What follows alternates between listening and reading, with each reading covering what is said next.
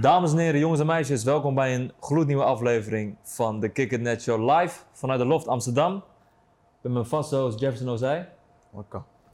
en we zijn met eh, heel Amsterdam-Osdorp eh, in het huis, man. Ja, toch? Mooi, Taibi?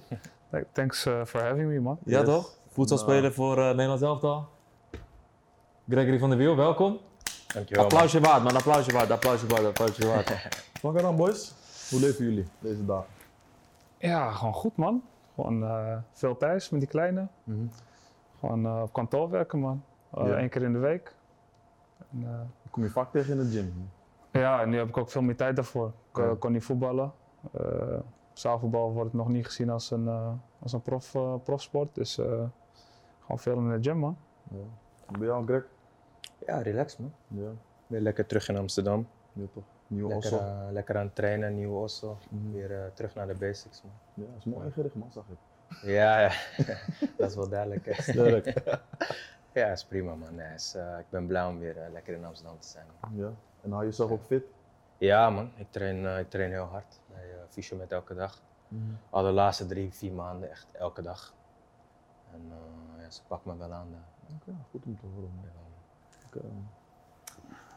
Normaal is een standaardvraag bij ons eh, aan het begin. eh, wie was je vroeger op het pleintje? Maar ik heb begrepen dat jullie allemaal eh, op hetzelfde pleintje te vinden waren. Ja. Dus eh, ik heb zoiets van, ik zoom even uit met het gesprek.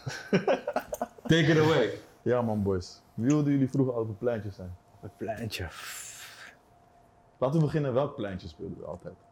Eh, Ja, het was altijd Louis de duidelijk. Visserplein, man. Ja, En man. dat is nu eh, omgedoopt naar het eh, Gregory van de Wielplein. Oké, daar komen we zo direct op. maar toen het nog Louis Visserplein was Ja, en eh, jullie daar heel veel uren spendeerden, wie wilden jullie destijds zijn? zou ik zijn. Ik weet het wel, man. Weet jij wie ik was? Hè? Nee, ik weet niet wie ik wilde zijn, maar... ik weet niet, maar je had volgens mij gewoon fases, man. Weet je, ja, elke ik, keer ik had iemand aan- fases, ja. Ik, Ik had niet, ik elke was gewoon-. Ik was gewoon straight altijd gewoon Ronaldo, Luis Nazario de Lima, Ja. man. Standaard R9. Ja, Ik begon met Roberto Baggio. Zo. Maar hij had een staartje achter. Ik Ja, had vroeger ook een staartje Ja, achter. Dom, dom, dom, ik weet nog niet of het om zijn voetbal was of om zijn staartje. Die hè? Ja, vroeger was je al bezig met stijl, hè? Ja, onbewust. Ja, toch, sterk, sterk. ik heb je ook nog eens gezien op, in, een, eh, in een reclame. Dat was ook opgenomen. Ja, toch? maar met Mo. Ja, toch? Ja, Ja, man. Een Nike-reclame. ja dat was het, ja. ja Ik heb hem nog, ja. Ik heb hem ja, ook nog. Je had Brazilië shirt aan. Dat Ja, weet ik nog. Weet je wie hem heeft geschoten? Ja. Yamando Roos. Die ken je wel, toch? Wie? Hij doet veel voor TNO ook. Ja, ja. Mm. ja, die ken ik wel. Yamando, ja man. Hij had, Ja, eh, was een shoot voor Nike. Mhm. Dat was wel heel tof. Volgens mij was onze eerste shoot. We waren toen ook op het Visserplein. Gewoon het voetballen zoals we dat eigenlijk eh, dagelijks deden. Ja. En eh, hij zag ons en hij zei, hey boys, eh willen jullie, willen jullie in een Nike-reclame spelen? Ja, Tuurlijk. natuurlijk. Tuurlijk. Weet je? Maar wij eerst dacht ik van wie is deze gast? Dat was, je toch? Hoe oud waren jullie Kon- toen destijds? 13 denk ik zo? Ja, zoiets, ja. 13? Kan ik die video niet 12, ergens 13? zien? Ja, ben ik wel man. benieuwd. YouTube gewoon, man. Kan je Ja? vinden? Ja, man. Ja, op YouTube? Ja, ja, ja. Ja. Grappig. Ik ja, ik heb hem wel, gewoon gehad van hem, van Yamando man. Ja, ik ook. Ik Ik heb hem gewoon gehad van hem vinden volgens mij, man. Ja, dat is wel grappig man. En als jullie nu terugkijken naar die tijd, eh, alles was soort van geen zorgen, je kon gewoon altijd buiten spelen. Hoe was dat voor jullie? En met name in Osdorp. Hoe was de, hoe was de buurt Osdorp ook voor jullie? Hoe was het daarom op te groeien? Ja, was wel. eh, wil niet zeggen makkelijk. Eh, wij, wij als jongens die, die buiten voetballen en we waren best goed voor ons leeftijd, denk ik. Eh, ja, speel je vaak tegen oudere jongens. En ja, als je dan wint van hun, dan dan kunnen ze vaak niet tegen. En dan eh, mag je wel eens trappen verwachten, dus het was niet makkelijk. Eh Mm. werd je wel hard van. Maar ik denk dat het me wel heeft gevormd als mens Mm. om daarop te groeien. Nooit echt breed gehad. En dat heeft wel echt een basis gelegd voor, voor de persoon die ik ben.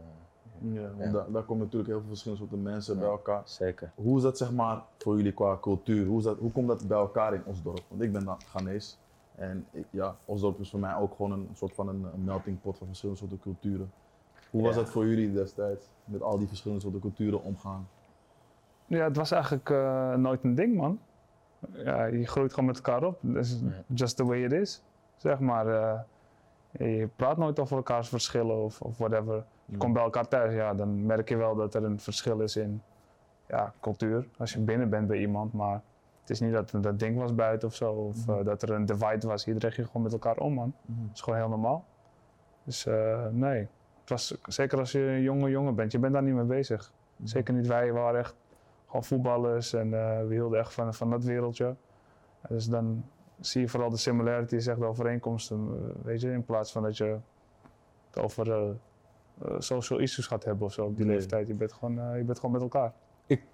kom niet uit Amsterdam, maar hoe, hoe, hoe keken Amsterdammers uit Oost of whatever, hoe keken ze naar Osdorp eigenlijk?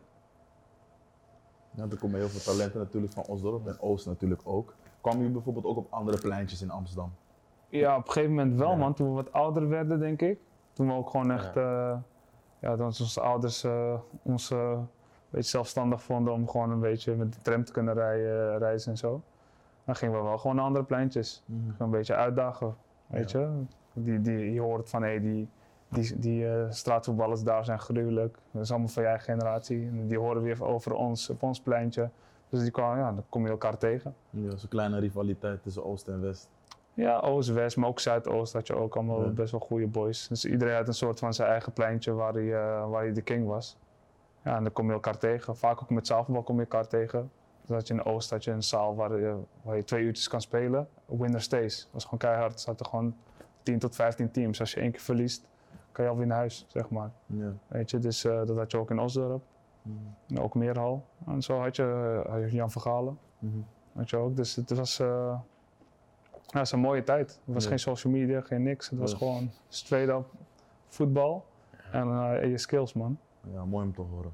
Hoe voelt het dan voor jullie als jullie nu teruggaan en jullie hebben gezamenlijk een pleintje soort van vernoemd naar, naar jou, naar Van der Wiel? En ja, daar heb jij natuurlijk mede aan gewerkt. Hoe voelt dat dan als jullie dat voor elkaar hebben kunnen krijgen? Ja, het is wel een eer. Eer natuurlijk. Eh, Wij waren echt dag in dag uit daar. Eh, sneeuw, regen, maakt niet uit. En ja, uiteindelijk dat het dan vernoemd wordt naar jou is wel, eh, is wel echt vet. Ja. En maar hoe is dat, hoe is dat zeg maar, tot stand gekomen? Ja, dat is wel een grappig verhaal. Ik wist dat eh, zijn moeder had een keer eh, volgens mij eh, het initiatief genomen om met de gemeente Amsterdam Nieuw-West eh, dat voor te stellen. Ja? Weet je? Ja, man. Dat wist ik nog eens. Man. Ja, dat, ja, echt, man. ja, man. ja, dat zei je moeder dus Ja? tegen mij. Is dat nou je moeder, die man? trotsheid Ja, naar boven toch van nee, met alle respect, maar... Het was al een keertje gewoon eh, zo gegooid ergens. Dat hoorde ik. En ja, een paar jaar later kwam ik bij de gemeente Amsterdam te werk. Bij de afdeling sportstimulering. En eh, ja, toen had ik het een keer gewoon daarover. Van hoe zit het eigenlijk met het pleintje? Ze wilden het pleintje renoveren. Weet je, dus ik zei van... Ja, maar ik heb ook gehoord dat ze het eh, misschien naar Greg wilden vernoemen. Maar voor, Greg was voor hun echt... eh, ja, moet ik het zeggen? Ah, ja, gewoon unreachable. Onbereikbaar. Dus ik zei ja, het is gewoon een vriend van mij. We hebben altijd dag gevoetbald. Weet je, dat weet iedereen. En volgens mij vindt hij het nog, nog steeds wel een eer om eh, het pleintje naar hem vernoemd te krijgen. Dus eh nou, zo had ik gewoon Greg gebeld, man. Met, eh, met het idee van, hey, ze gaan het pleintje renoveren, ze willen het eh, naar je noemen, vernoemen. Voor mij ook eh, een eer, weet je, omdat het toch iets is wat wij ja, samen gewoon delen, het pleintje. Ja, zodoende, man. Hebben we een hele event eromheen eh, gebouwd en eh, ja, een lintje geknipt. Sterk, man, sterk. Applaus voor die man, Ja. serieus man. Dope, Mooi echt dope, echt dope, echt dope, echt Mooie dope. dingen. Wat heeft meer invloed op een speler volgens jullie? De voetbalopleiding of het pleintje? Ik denk sowieso in eerste instantie het pleintje. Ik weet niet hoe jij het ziet. Daar begint het, ja. Dat denk ik ook. De basics wordt wel echt gevormd op het pleintje. Ja. Ik weet niet goed hoe het deze dagen nu nog is, maar ik heb het gevoel dat het vroeger wel echt veel was. Ja. Ook omdat er geen social media was. En ja, wat deed je anders dan buiten spelen? Nu, ja, Mhm. nu zie je de jeugd al snel op TikTok zitten. En het is een beetje veranderd, maar ja, je- de, de roots komen wel echt gewoon van het pleintje. En daarna eh, ja, andere soorten discipline op de opleiding. Ja, wat, wat, wat namen jullie bijvoorbeeld mee van het pleintje naar eh, de voetbalclub? Want eh, waar zijn jullie begonnen? Ik eh, was begonnen bij ZSG of WMS. Zo heette het toen. Eerst heette het WMS. Mhm. Ik speelde toen ook nog met Gregory Nelson in het team. Eh, ja, daarna had mijn broer mij ingeschreven voor de Ajax Talentendagen. Ik wist niet eens dat het bestond. Uh, schreef me gewoon in. ja, na een eh, proces van 7, 8 maanden. We doen 3000 kinderen in het begin mee. En elke ronde vallen de kinderen af. Op een gegeven moment kom je volgens mij bij ronde 5 of 6 en dan mag je ook echt stage lopen met die spelers van Ajax, zeg maar. Ja, dan, ga je, ja, dan ga je echt een, krijg je echt een Ajaxie tenuutje en weet je, dan ben je echt part of the team, zeg maar. maar nog niet helemaal, want je loopt nog stage. En dan speel je ook oefenwedstrijden en dan check je ze. En dan op een gegeven moment kreeg ik eh, het belletje van eh, je bent aangenomen. Dus voor mij was het eh, ja, een soort van hele lange journey. Maar eh, wel, wel, wel eentje met een goed einde toen. Ja. En voor jou, Greg? Eh, begonnen bij Blauw-Wit. Ehm een jaartje maar, want daar ging het niet zo goed. Daar, daar waren ze zelfs in een kluitje aan het voetballen en ik, ik wou spelen zoals op tv. Zei mijn moeder destijds. En, dus ik stond huilend daar buiten. Toen zei ze al van ja, deze jongen is geen voetballer, kan beter op andere sport gaan. Letterlijk. Ja? Ja, waren ook niet zo vriendelijk. Dus toen zijn we ook weggegaan naar DCG. Ah, sterk. Eh, daar gespeeld tot mijn zevende. En ook via talentendagen toen eh, bij Ajax gekomen. Lange traject, ja. sterk. Samen of apart, zeg maar? Apart man. Ja, apart. We verschillen een half jaar. Dus eh, uiteindelijk, eh, we zaten wel in het eerste jaar bij Ajax in, in elkaars team. Maar eh, daarna maakte ze, een, eh, maakte ze een scheiding zeg maar, van de jongens voor december en jongens Mm. na december. Zoiets was het volgens mij. En hij was in februari was geboren ja. en ik in oktober. Dus ik moest dan met de oudere jongens en hij met eh, de jongere gasten. Zeg maar. Dus dan bleef je soort van zitten. Zeg maar. Wat doet het met je als je als kind dat Ajax trainingspak aan mag doen en je bent opeens die guy van het pleintje gewoon? Samen zelf. Jullie zijn die boys. Ja, een Om bij Ajax te spelen. Mhm. Voor als Amsterdamse jongens. Ja. Beter kan het niet. Ja. Ja, ik heb lang daar mogen spelen. Eh, ja, super blij mee natuurlijk. Eh, het heeft wel mij als mens veranderd ook, want het is wel echt keihard. Ja. Eh, vanaf kleins af aan al, keihard en keihard. En hebben we al een stukje kunnen zien in, in de Ajax-film. Ja. Dus het is niet altijd bevorderend voor je ontwikkeling als mens. En ja, plezier staat daar niet centraal. Dat, eh, dat denk ik wel. Het is echt presteren en eh, ja, opleiden naar echt profvoetballen. Dus Ja. dat, is, dat is wel anders dan bij een amateurclub spelen. Maar ja, om, om, om als jongen uit Amsterdam voor Ajax te kunnen spelen en te mogen spelen is, ja, is onbeschrijfelijk. Ja. Ja man, het kwam er ook, wat het ook een beetje was. Weet je, ja, die, die, je kreeg gewoon al die hele kledingzak met dingen, weet je wel. Alle equipment, waar je dan ook altijd naar de training mee moest en zo. Maar ja, wij gingen af en toe ook met die kleding gewoon op, op straat voetballen, Ja. snap je? Ja, dan had je natuurlijk ook jongens van jouw leeftijd eh, die denken dat ze misschien beter dan je zijn of gewoon jaloers zijn. Ja, eh, merken die, merken die die bewijsdrang, zeg maar? Ja, man. Ja? En dan hadden ze, hadden, ze net, hadden ze net de twee verkeerde jongens. Ja. Want wij waren, je hebt jongens die gewoon alleen maar op veld kunnen voetballen. En je Mhm. hebt jongens die veld en straat kunnen, Mhm. weet je.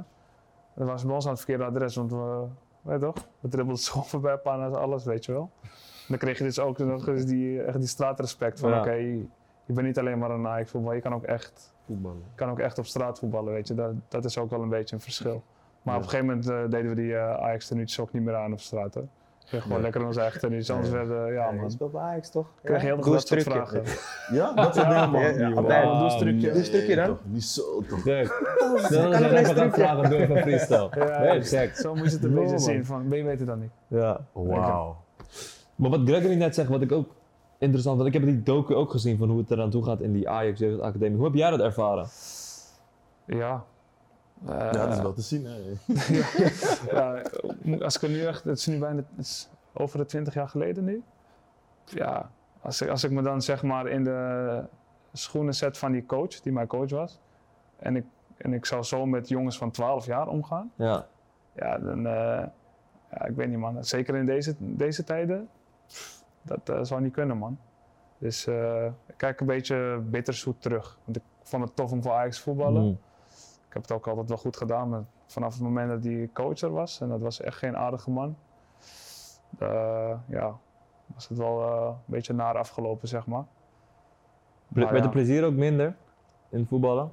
Ja, onder hem sowieso. Mhm. Maar ja, plezier in voetbal had ik ook eh, nog steeds wel als ik gewoon los van Ajax gewoon op straat ging voetballen of whatever, weet je wel. Ja, plezier ga je mij niet afnemen. Wat mogen we van jullie wel en wat mogen we niet verwachten? Nou, dan zeg ik, zoals het nu is, is dat dus te weinig. Is dat niet goed genoeg? Dus daar zit het hem vooral in, Mohammed. En jij zal het moeten doen. En niet je broer en niet je vader. Maar jij zal het moeten doen. Heb je nog iets te vragen? Eh, ik spreek met de zus van Mohammed. Eh, het is namelijk zo dat wij eh, bij Ajax besloten hebben om eh, Mohamed niet over te laten gaan naar de C2 volgend seizoen. Na, na Ajax ging je naar Ik ging naar AFC. AFC. Ik ging naar AFC, terwijl ik wel nog waarschijnlijk naar andere profclubs kon gaan. Maar ja, het is een andere tijd, weet je. Ik heb ook ouders van de eerste generatie. Die, zijn- die kunnen, zijn de taal niet machtig, dus die gaan ook niet, ja, die kunnen niet voor je bellen of die kunnen je niet brengen. Het, was, het is een hele andere tijd dan nu, weet je. Maar eh, nee, op zich ja, gewoon bitterzoet man. Moet ik, eh, moet ik zeggen. Het was leuk, maar het eindigde wat minder. Maar ik, ja, ik ben wel blij AFC? dat ik het heb meegemaakt. Van AFC ging je naar?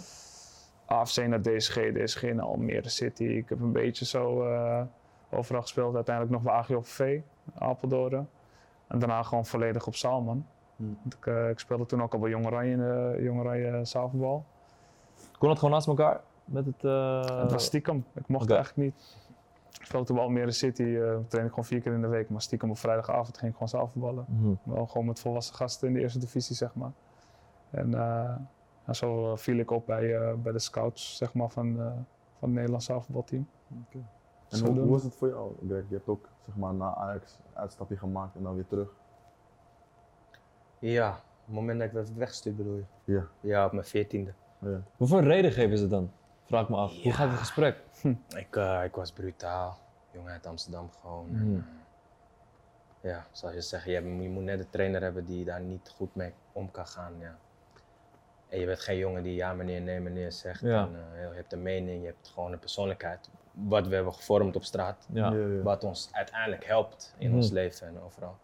Maar op dat moment, ja, wordt het gezien als lastig. En eh, ja, toen moest ik ook eh, weg van de opleiding. Ehm, wat ik in eerste instantie niet erg vond. Ik dacht, ja, weet je, ik heb Ajax niet nodig, prima. Ik was ook gewoon zo stoer jongen, zo stoer wou ik doen. Ehm, ja, maar daarna een half jaar had ik toch wel eh, die klap gekregen dat Ajax toch wel echt de top was toen ik bij Haarlem speelde. Maar ik heb in die jaren dat ik bij Haarlem speelde, ik heb daar drie jaar gespeeld, heb ik wel echt een goede periode meegemaakt. Echt gewoon echt plezier weer gehad voorop. En ik kwam in een leuk team met leuke jongens en het was minder serieus. Dus dat heeft mij wel echt gevormd eh, als speler en als mens. Eh, f- ja, was ook precies tijdens mijn puberteit. Dus ik heb wel het gevoel dat ik het wel echt nodig had om eventjes die klap te krijgen. Om daarna te beseffen wat ik had en weer voor te gaan vechten. En Dat is me uiteindelijk ook gelukt. Ik, eh, ik heb mezelf weer teruggeknokt. Eh, daarna had ik weer interesse van PSV, van Feyenoord, van Ajax ook weer. Eh, ja, goed, na, na goed nadenken ja, ben ik toch gewoon weer bij Ajax teruggekomen. Dus eh, ja, toont wel een stukje karakter denk ik. Maar eh, ja, het was wel een moeilijke, moeilijke paar jaar, zeker. Ja. Ja, wauw. Ik ga je een moeilijke vraag stellen. Waarom heeft Van der Wiel het eerst uiteindelijk wel gehaald en jij niet? Ja, dat is een hele moeilijke vraag. Ja. man. Maar eh, ja, kijk, eh, aan de discipline van ons beiden zal het denk ik niet eh, hebben gelegen. Maar ja, Pff, eh, ergens denk ik ook wel, vond ik veldvoetbal op een gegeven moment ook gewoon niet meer leuk. Ik denk ik ook niet meer vo- volledig voor ging. Ik vond misschien dat hele cultuurtje eromheen ook niet Ja. bij mij passen. En ook misschien niet gewoon bij mijn kwaliteiten. Ik was gewoon eh, goed in de korte ruimte. Wat op zich nu ook wel handig is in, bij, bij het veld natuurlijk. Maar dat werd voor, voor mijn gevoel minder gewaardeerd dan nu. Als ik bijvoorbeeld zie hoe Frenkie de Jong, die mag heel dag draaien eh, Mhm. in het middenveld en noem maar op. Zegt ze, oh geweldig, hij durft, noem maar op. Als je dat vroeger deed, zegt ze van nee, eh doorpassen die bal, Ja, eh, tempo ja. erin houden, weet je wel. Dus, maar, dus het is ook maar net hoe je, ja, hoe je ernaar kijkt. Maar Je hebt liefde gevonden in, het- in, in het zaalvoetbal, ja, ik heb gewoon maar. een andere liefde gevonden. En als ik, als ik eh, naar Greg keek, Greg was gewoon eh, iemand die gewoon misschien nog wel echt, echt gewoon die mentaliteit had van oké, ik, eh, ik ga alles eraan doen om gewoon het veldvoetbal te halen. En ik had niet per se de ambitie meer om eh, iets op- in het veld te doen. Ja. En als jullie nu kijken naar de, de jeugdopleiding van Ajax, is er voor jullie veel veranderd, denken jullie? Of denken jullie van ja, het is gewoon hetzelfde gebleven? Het speelt hetzelfde spelletjes worden daar gespeeld en dat soort dingen allemaal. Ik weet het niet man. We zijn niet- Is, is het menselijke aspect daar belangrijker geworden? Het me- Sorry? Het menselijke aspect, dus Dus- bijvoorbeeld zo'n omgang met de trainer die Ja. aan het schreeuwen is naar het jongens van 12. Ik kan het alleen maar hopen. Ik, eh, Ja. ik heb geen idee. Het is Ja. lang geleden voor mij. Sindsdien heb ik nooit meer kijken kunnen nemen in de jeugdopleiding. Dus ik weet echt niet hoe het er nu aan toe gaat. Wow. Ja, ik weet wel eh, bij de KNVB dat dat mensen wel bezig zijn eh, in die opleiding om, om het pedagogisch aspect er ook aan toe te voegen. Want dat is echt belangrijk als je met kinderen omgaat, weet je. Want wat is jouw rol nu bij KVB? Eh, ik ben nu eh, Host City en Legacy Manager voor het eh, EK zaalvoetbal. Mhm. Dus ik ben nu soort van gedetacheerd aan de UEFA. om aan het sportief-maatschappelijke project te werken rondom het EK. Het EK wordt gespeeld hier in de Ziggo Dome in Amsterdam en in Groningen Martini Plaza.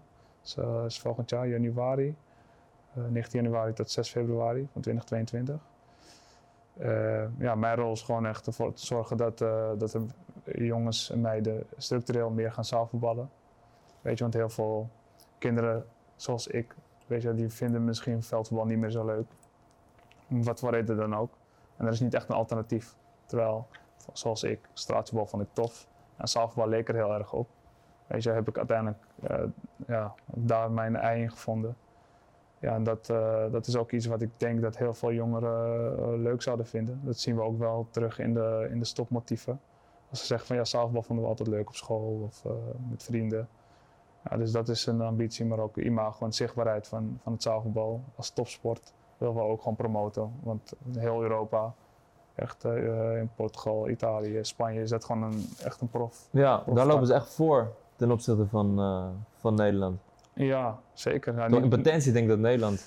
weet Ja, je? sterker nog, eh, we waren, eh, waren tweede geworden eh, op het WK man, in 1989. Mhm. En andere landen hebben toen, zijn zich blijven doorontwikkelen. En eh, ja, Nederland is eh, een beetje hetzelfde gebleven. Wa- Waar, waar, waar denk je dat het aan heeft gelegen? Dat, dat ze zijn ze stagneren in Ik de denk, ontwikkeling van zaalvoetbal? Ik denk gewoon de cultuur, man. De cultuur in Nederland is echt gewoon een veldvoetbalcultuur. En het imago van zaalvoetbal, daarom willen we daar ook aan werken, is denk ik wat heel veel mensen denken, ja, leuk voor erbij. Weet je, cafésportachtig. Van leuk om met je vrienden te doen. Mhm. eh, één keer in de week of één keer in de twee weken, whatever. Ja. Uurtje een zaal huren. Maar die kennen de, de topsportkant er helemaal niet van. Mm. Weet je? Dus dit is een mooie gelegenheid voor ons om met het EK dat ook echt te laten zien. Je hebt ook eh, ja, een soort van eh, dat profleven als zaalvoetballer mogen ervaren. Eerste instantie semi-prof dan bij Antwerpen en toen vervolgens naar eh, Lazio. Hoe waren die stappen voor jou? Want ik bedoel, als je dan van ja, een soort van een amateurniveau, hoogste niveau van Nederland naar België gaat, wordt nog serieuzer. En dan vervolgens ga je naar Lazio, een heel ander land, eh, andere cultuur. Ja. Wat heeft dat met jou gedaan, zeg maar, die stappen? Ja, w- wat je vooral ziet, ook zelfs al in België, is de waardering en de beleving voor het zaalvoetbal is heel anders. Weet je, je is echt, eh, ze zien je ook echt als, als prof. En eh, gewoon de druk zit er echt op om te presteren. En eh, Italië nog meer. Weet je, ik, ben, ik was daar gewoon elke dag aan het trainen, gewoon zes dagen in de week en dan zeven dagen, dan, dan speel je een wedstrijd. En zo ga- gaat je week constant, weet je ja, het, het, het laat gewoon zien, weet je. Ik wil mezelf ook testen van, oké, kan ik dat aan? Dat hele, hele full prof. En volgens mij wel.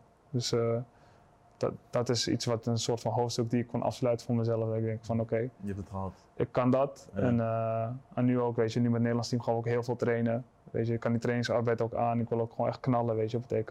Wat waarschijnlijk ook mijn laatste, Kunstig. laatste eh, kunststukje is, ja. Nee. Ben je ook actief een soort van aan het scouten? Nou ja, scouten gewoon aan het checken van welke veldspeler in de jeugd het mis- misschien dezelfde carrièreverloop als jou kan maken.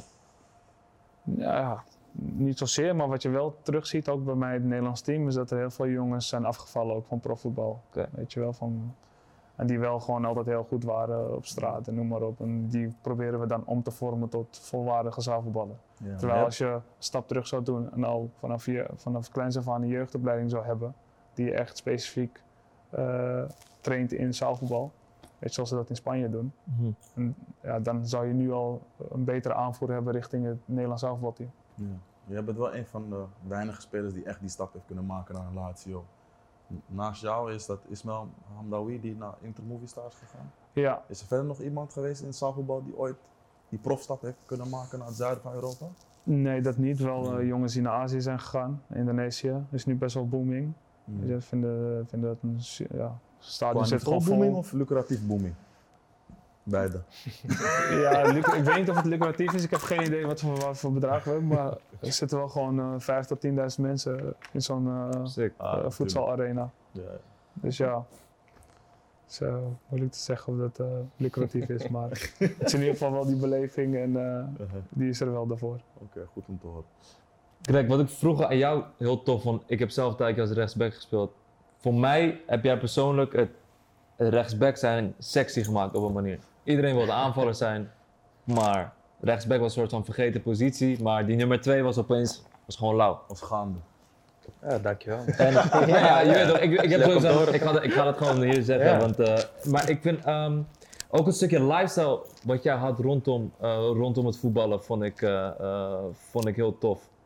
Ehm, wa- was, dat, was je daar echt bewust mee bezig om je op die manier te onderscheiden? Want voetbal is best wel een soort ouderwetse wereld die dat niet Maar wat voor lifestyle? Gewoon zeg maar bijvoorbeeld dat jou in een clip van Kleine Viezerik speelde. Ja, oké. Snap je? Ja. je? Je je liet wel zien van ik heb een connectie met deze muziek. Ja. Of ehm, weet je, op een gegeven moment was je eh, eh, eh, bezig ook met baller, maar ook ehm, ja, alles eromheen man. Ja, je, je, bas- je nam basically gewoon het straatcultuur gewoon met je mee op het veld. Ja. Ja, maar dat heeft me ook wel eh, aardig tegengewerkt in mijn carrière. Door mezelf zo te zijn en door allerlei dingen daarnaast nog te doen. Want het wordt toch niet gewaardeerd in de voetballerij. Mm. Het meeste van het deel. Nu meer en meer, in Amerika helemaal meer. Vooral Ja. met eh, basketballers die, als LeBron die heel veel daarnaast doen. Maar ja, ik heb daar altijd wel eh, veel commentaar over gehad. En eh, ja, hey, joh, ga eens trainen terwijl ik de hele dag aan het trainen ben. Mm. Ehm, maar ik was daar niet bewust mee bezig. Nee, ik, eh, ik deed gewoon wat ik, wat ik leuk vond, ook buiten het veld. Ik, ja, ik ben gewoon altijd gewoon ge- dicht bij mezelf gebleven en muziek altijd wel leuk gevonden. Niet om zelf weer niets te doen, maar wat mensen altijd denken. Ja. Hé, je ging toch ook rappen of ja, dat is niet mijn ding. Maar ik Mhm. vind muziek wel gewoon leuk. Ehm, ja, daarnaast eh, ja, deed ik gewoon wat ik wou in mijn, in mijn leven. En eh, op, een- in een later stadium eh, ben ik ook gaan interesseren in, in meer serieuzere dingen. In, in investeringen en in, eh, in, in bedrijven meer. En eh, ja, en dat liet ik ook wel zien. Ehm, waar ik ook, ja, zoals ik al zei, op, op werd afgerekend. Zoals ik al zei, van... eh, Echt door clubs of door het publiek en media vooral? Beide, beide. Het is natuurlijk de clubs en de media die jou in een bepaalde hoek duwen, Ja. waardoor ja, de club ook in meegaat en de trainer ook. En andere trainers die jou ook niet kennen als persoon, die, Mhm. die, die gaan er ook in mee. Dat heb ik ook gewoon eh, gemerkt in mijn, eh, in mijn carrière. Trainers die ik nog nooit heb gehad in mijn leven of die ik nog nooit heb gesproken, voel je gewoon dat ze al een, een, al een oordeel voor jou hebben. En dat heb ik heel erg gemerkt met, eh met Dick Advocaat in Istanbul. Mhm. Bij Fenerbahce, ja, kende die man niet voorheen, kende mij niet, maar het voelde, voelde vanaf dag één al niet, niet van harte, eh, ja, voelde niet gewoon Ja. eh, oprecht. Ja, ja. En waarom weet ik tot de dag van vandaag nog steeds niet. En ja, daar heb ik eh, ja, best wel lastig mee gehad. Ehm, achteraf gezien is het toch wel moeilijk om, om niet het gevoel te hebben dat je echt geaccepteerd wordt voor, voor wat je doet. Ik, ik, trainde, ik trainde dag in dag uit keihard. Ik was de eerste in de gym, ik was na training weer in de gym. Maar ik was gewoon niet de persoon die het ging posten op Instagram. Ja. Maar als ik in een magazine stond of ik was, eh, weet ik veel, een nieuwe, nieuwe outfit aan, ging ik dat wel posten. Ja. Dus zo wordt al snel dat beeld gecreëerd van, oh, hij is alleen maar daarmee bezig Ja. en voetbal is op tweede plek. Terwijl die jongen die misschien één keer in de week is, wel post dat hij in de gym is. Oh, hij werkt hard, terwijl ik misschien zes keer per week in de gym. Ja. Dus het is een beetje hoe, hoe dat is gegaan. En achteraf denk ik wel van, was ik daar maar slimmer in geweest? Eh, ik wil niet zeggen zozeer van, ik had mezelf moeten veranderen. Maar ik had er slimmer mee om moeten gaan. Ja. Misschien wel wat meer moeten posten in de gym, ook al is dat niet mijn ding. En gewoon ja, een beetje mee moeten spelen. Maar dat heb ik niet gedaan en eh, ja, het is gelopen hoe het is gelopen, maar het is best, eh, is best lastig. Ja. Het begint natuurlijk, eh, je maakt je debuut voor Ajax. Ja. Je speelt enkele seizoenen gewoon goed. En vervolgens maak je de stap naar PSG. Ja. Eh, ja, er komt meer aandacht bij kijken. Veel meer media, veel meer interviews. Zeker. Eh, die stap van Ajax naar, naar PSG, beschrijf dat eens. Hoe is dat, hoe is dat voor een jonge speler? Eh, pff, ja, dat is een grote stap. Vooral als een jongen vanuit Amsterdam die eigenlijk niks anders kent dan alleen maar Amsterdam. Ehm, ja, bij Ajax in het eerste is toch niet hetzelfde als naar het buitenland gaan. je woont gewoon lekker nog thuis in je stad. En eh, je bent één systeem gewend, eh, je kent één cultuur. En dan kom je ineens in Frankrijk terecht eh, met een hele andere cultuur. Andere spelers, andere coach, andere speelwijze als, als Ajax-jongen. Had je andere opties rond die tijd? Want je had net een succesvol WK Ah, achter de rug. Ja, ik, Nee, eh, ik, had, het, ik had het Ik jaar was- 2010. Ja. dat eh, was na het EK, hè? Ja, ook. Ja, dat Oh, was ja. alweer twee jaar later. Ja. Maar ik had wel mijn beste jaar in 2010, ook bij Ajax. Eh, ja, scoorde ik zes. Alles ging goed. Eh, WK gespeeld. Ik had wel toen eh, interesse van Barcelona. Ik kan me nog herinneren dat eh, Gabri, speelde ik mee bij Ajax, eh, die vroeg via iemand van hey, wie, is, wie is zijn zaakwaarnemer? Want Barcelona had aan hem gevraagd of hij... ja. Oké. Dus eh, die waren in gesprek, maar die, ja, die boden veel te weinig dat jaar. Wat jammer was natuurlijk. Mhm. Ehm, even twee maanden later kwam Bayern München nog. Louis van Gaal was daar eh, coach. Die waren mij voor 19 miljoen halen. Dat was destijds volgens mij van de duurste verdedigers Mhm. ooit. Toen, nu zijn de bedragen belachelijk, maar Ja. toen, toen eh, Ja. 19 miljoen was veel. Zeker. Maar op een of andere manier ehm, ja, wou ik niet in Duitsland spelen. Ehm, ja, waarom? Vraag ik mezelf. Ja, ik heb gewoon blijkbaar een oordeel klaar over, over Duitsland, zonder daar ook maar te zijn geweest. Gewoon die koppige jongen uit Amsterdam. Duitsland? Nee man. Ik Moeilijk. heb net moeilijk. interesse van Barcelona achter de rug. Ik heb een gruwelijk jaar achter de rug. Ja. En destijds was Bayern niet zo oppermachtig als hoe het nu was, zeg maar. Nee, oké, Dus maar Bayern was Sowieso top van de wereld een, nog een steeds. grote club, sowieso een grote club. Maar die periode was het een beetje... Louis van Gaal, het fundament Ja, gelegd, ja, Mannen als. Volgens mij speelde Robben daar toen ook, toch? Gewoon. Ja, Bayern was gruwelijk. Ja, ze waren wel goed. Maar. Duitsland, die zag je zelf, ik ga niet Ja, naar München, ik, man. eh, ik was gewoon naïef daarin, denk ik. Mhm. Niet goed geïnformeerd. ehm klein, klein wereldje. Mhm. Ik speelde bij Ajax, zoals ik al zei. Ik wist niks van buiten Amsterdam. Laat staan buiten Nederlanders. Ik had, ik had de wereld op mijn heupen. Gruwelijk jaar achter de rug. Barça kwam. Ik denk, Weet je, ik heb het voor het uitkiezen. Ja. Zo, is wel grappig. Bayern, nee dank je. Uiteindelijk toch voor Paris gekozen, wat op dat moment ook zeg maar net een nieuwe fase. Nou ja, niet, niet, niet zozeer gekozen eigenlijk. Eh jaar na het WK was ineens een super slecht jaar. En het tweede jaar daarna was ook niet top. EK was rampzalig Ja. vergeleken met, eh, met het WK. Dus ja, hoe hoog ik toen na het WK was en hoe goed het ging, was eigenlijk alles weer ingestort. Twee Ja. jaar later. En veel keuze had ik niet meer op dat moment. En ik moest, eh, ik moest noodgedwongen helaas van zaakwaarnemer wisselen. Met pijn aan mijn hart. Eh, toen ben ik naar Mina Raiola gegaan.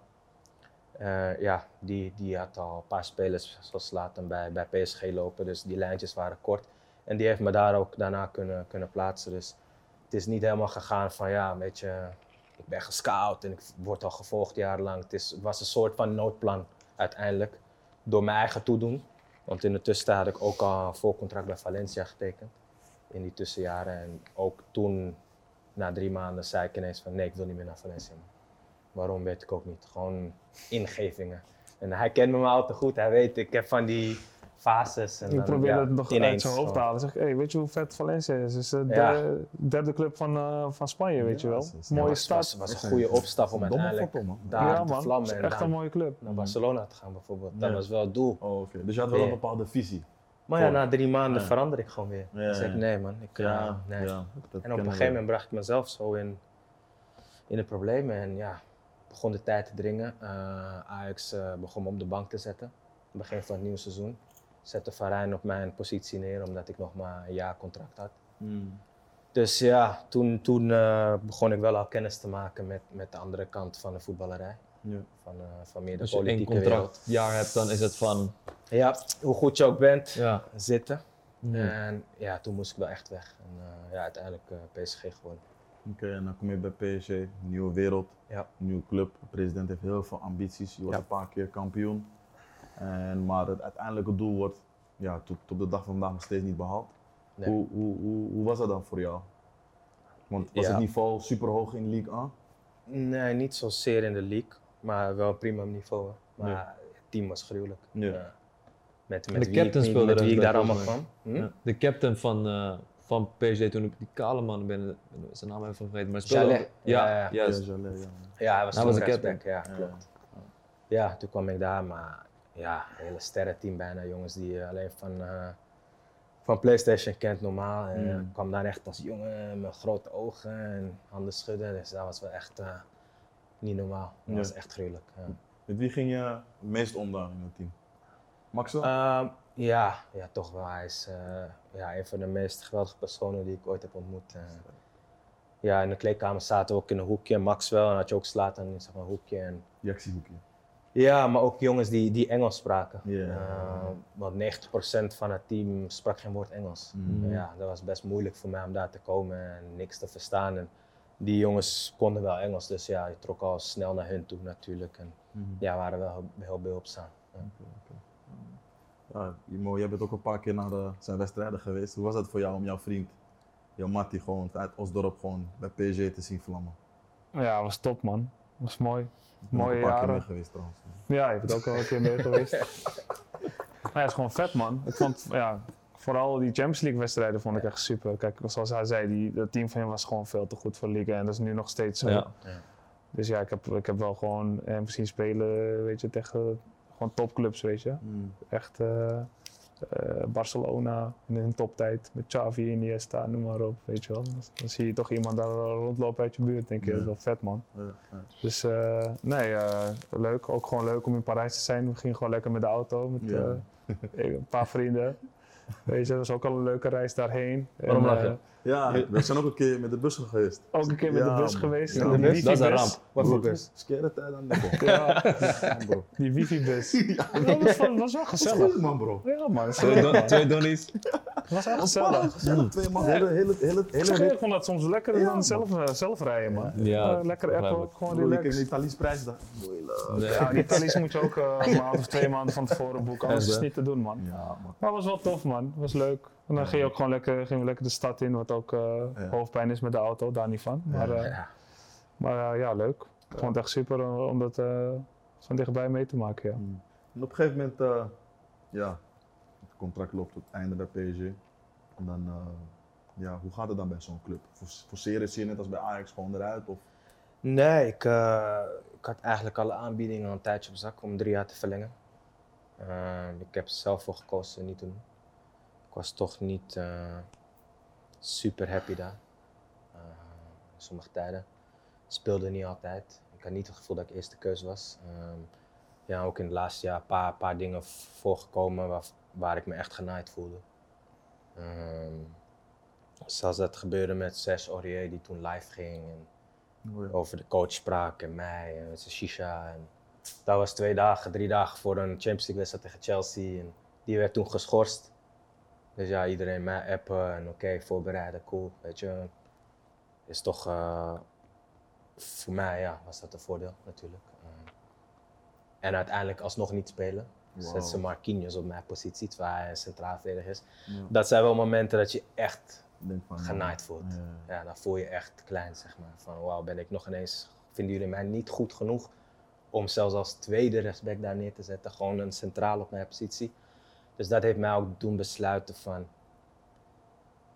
ja, ik wil hier niet blijven. Eh, om eerlijk te zijn, wou ik gewoon zo snel mogelijk klaar zijn met voetbal op dat moment.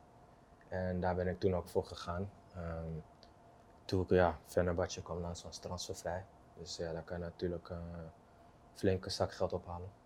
Eh, het is hoe het is. Ik daar ging berekenen, weet je, als ik drie, vier jaar nog speel, kan ik daarna lekker Toen was je echt aan het plannen van, weet je. ja, maar Ja, puur omdat ik gewoon niet super happy was. Ja. Al niet in die wereld, al jaren niet. En ja, het spelletje vind ik super leuk. Mhm. Als er iemand liefde heeft voor het spelletje, ben ik het. Als iemand hard werkt om iets te bereiken, ben ik het.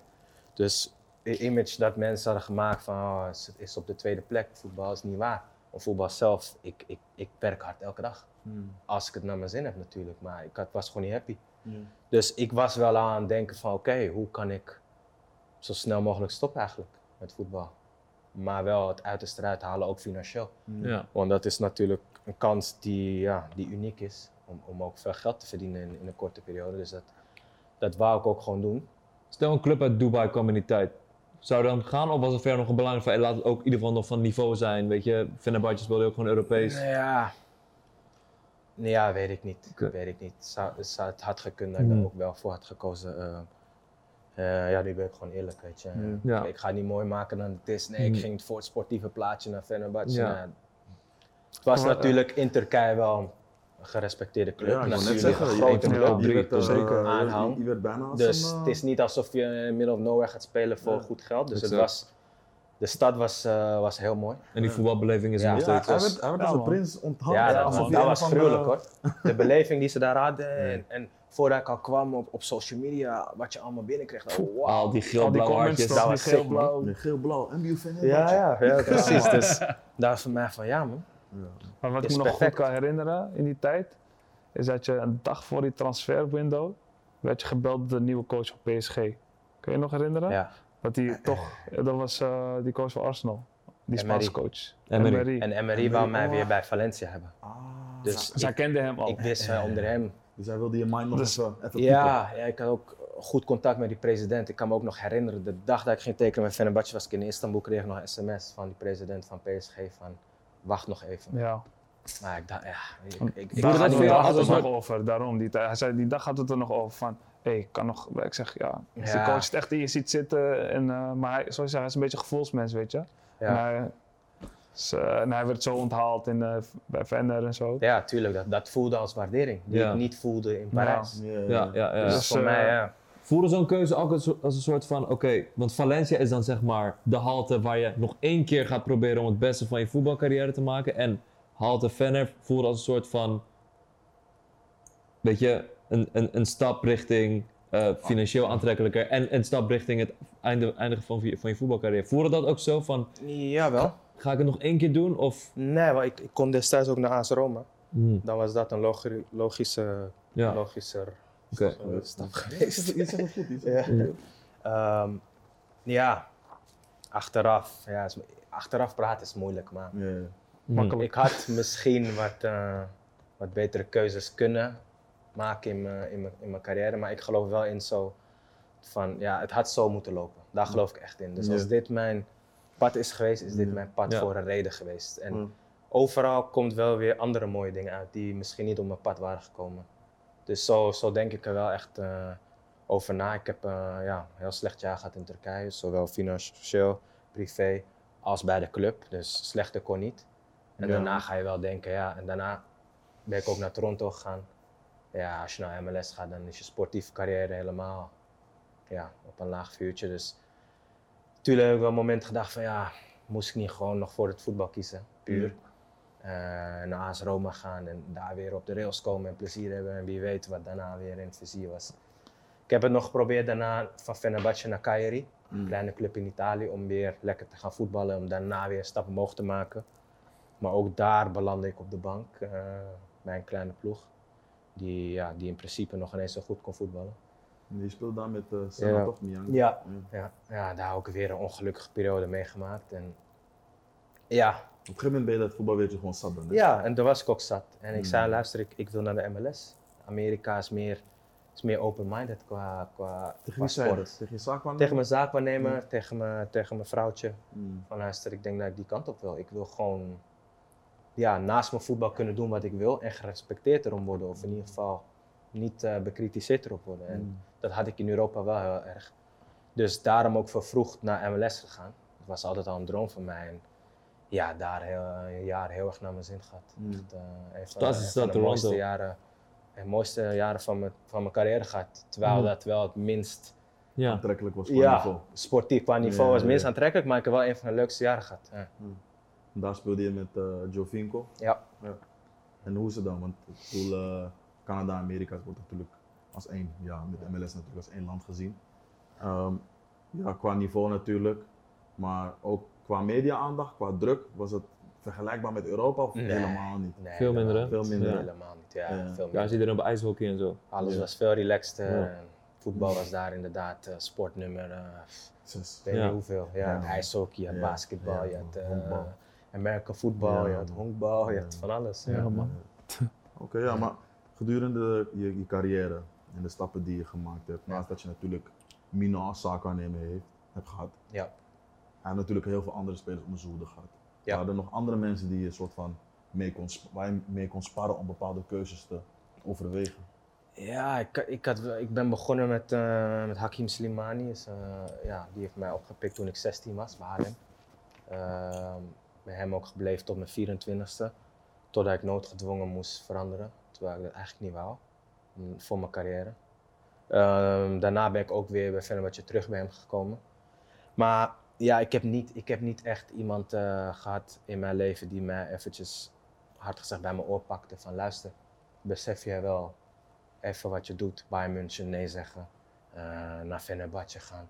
Gewoon die echt tegen mij oprecht zei van luister vriend. Denk nog eens even goed na. Zo, maar ook niet binnen Heb je vriendengroep. Nou, Ook niet bijvoorbeeld. dat jullie jij niet geroepen daardoor?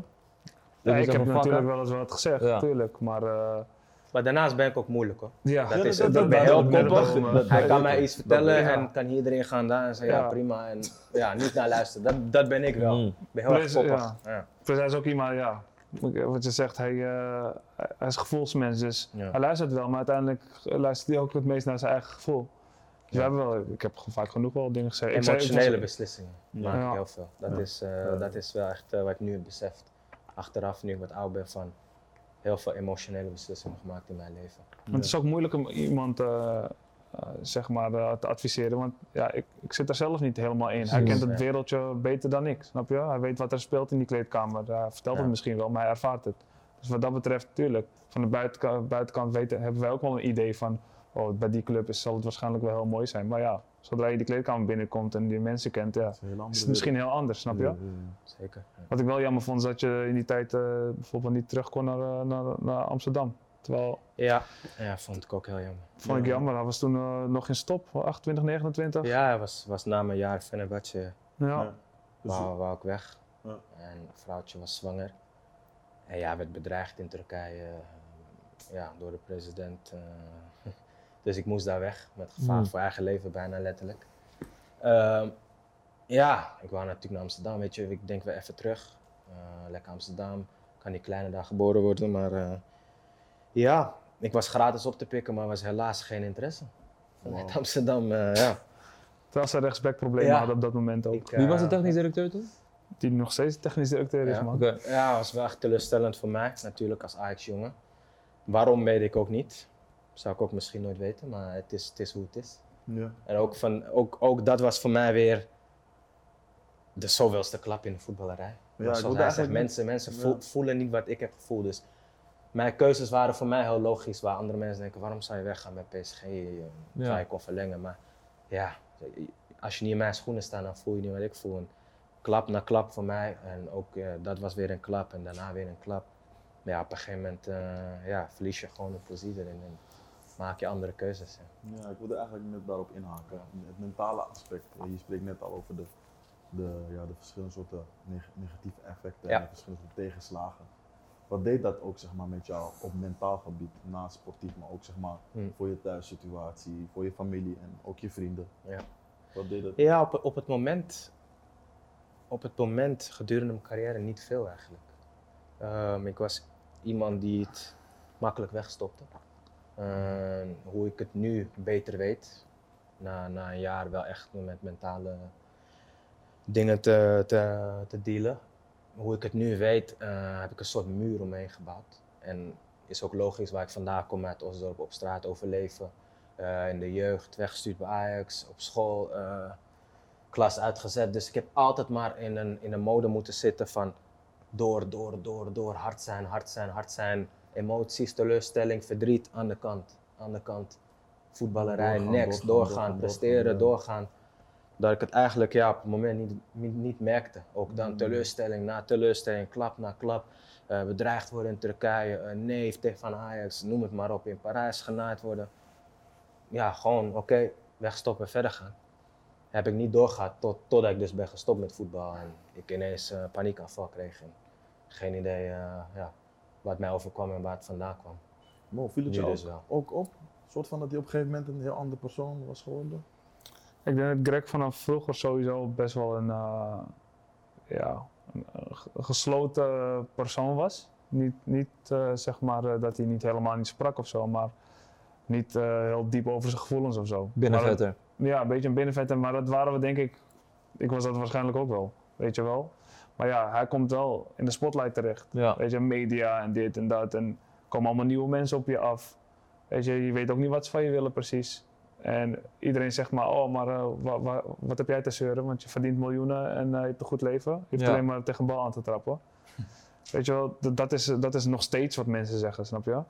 En eh, ja, eh, En die- voetbal is niet zo'n wereld waar je zo open of weet je. ook dat, het is ook een soort macho cultuur natuurlijk. Van je, gaat niet, je gaat jezelf niet eh, blootstellen Mhm. eh, over, je, over de dingen waar je mee zit. Ja, het is gewoon eh, moeilijk. Het is gewoon de, de, de prijs die erbij komt kijken, zeg maar, als je, als, je- als je in dat wereldje terechtkomt. Snap je? Je wordt soort van geleefd. Als je niet, eh, ja, je moet mega sterk in je schoenen staan. En dan nog denk ik dat het eh, nog, nog heel erg zwaar is. Ik had je brief gelezen op je website. En daarin gaf je aan dat, eh, eh, dat er een moment was bij Toronto dat eigenlijk op een gegeven moment alles klopte, maar dan alsnog eh, werd besloten dat ze niet verder met je willen gaan. Ja. En toen knakte het bij jou.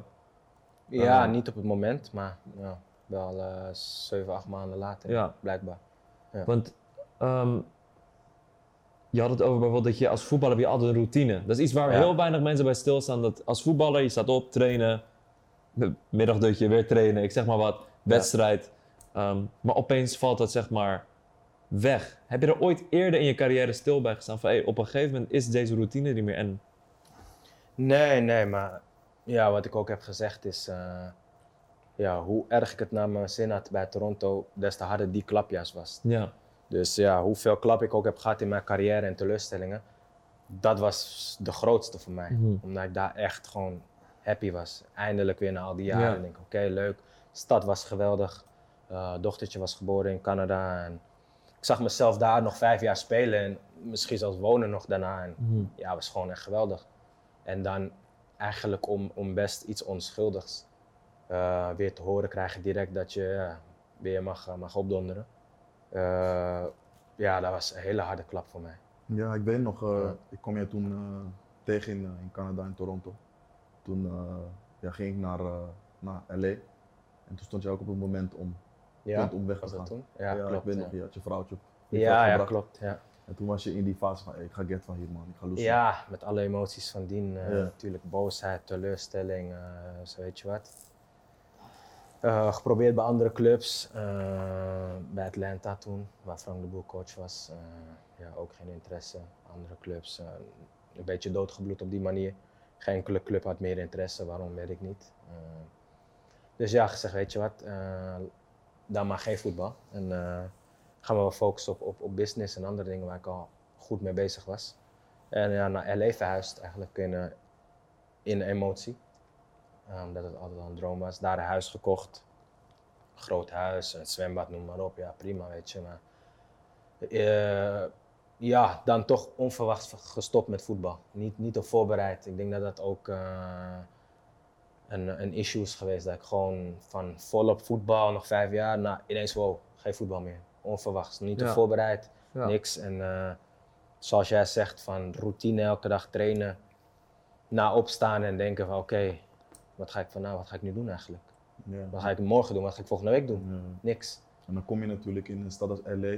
Ja, maar wat- mensen, wat, wat- mensen Wat, heel plastisch is, heel ja, is. ja, maar Ja. mensen van, sommige mensen vinden dat cool, weet je. Het is maar hoe je bent als persoon. Ja. De ene, de ene voetballer gaat lekker rentenieren en die gaat op het strand liggen twintig jaar lang.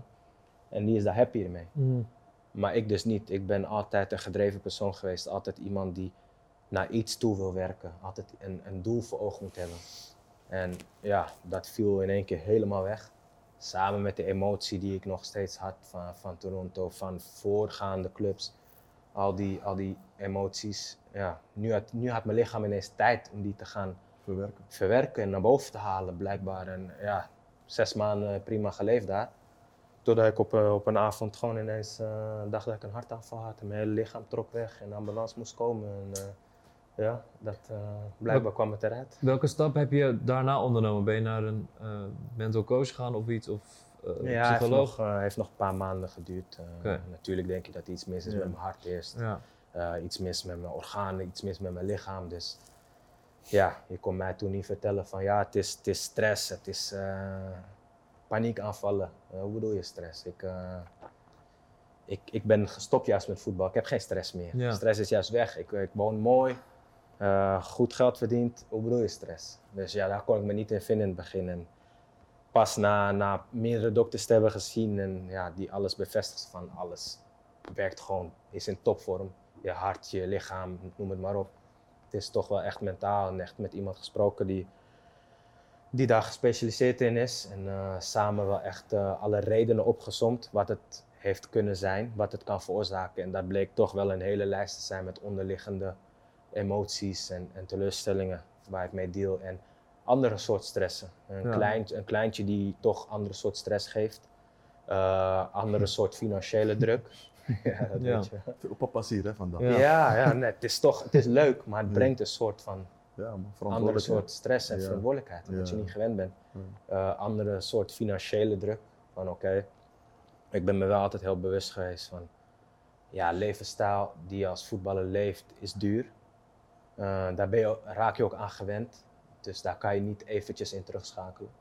Maar wanneer die inkomen niet meer komt, ja, daar ga je naar beneden als je, als je het niet compenseert met een ander inkomen. Ja. Dus ja, daar brengt een ander soort druk eh, op je schouders. En Mm. eh, ja, alles bij elkaar gewoon was gewoon ja, de perfecte storm voor mij om, om blijkbaar ja, voor mijn lichaam om te zeggen, oh wacht eens even. Veel mo. Hoe was het dan voor jou toen jij hoorde dat een van jouw beste vrienden op dat moment dan met dat soort dingen te maken eh, heeft? Wat is jouw rol dan daarin? Want toen jij mij het deels vertelde, raakte mij al. En ik ben niet super close met Greg, maar het raakte mij al omdat het een jongen van de buurt is. Jij bent, je hebt veel uren en veel meer dagen met hem gespendeerd. Dus jij bent veel closer met hem. Hoe is het dan voor jou om zoiets dan te horen?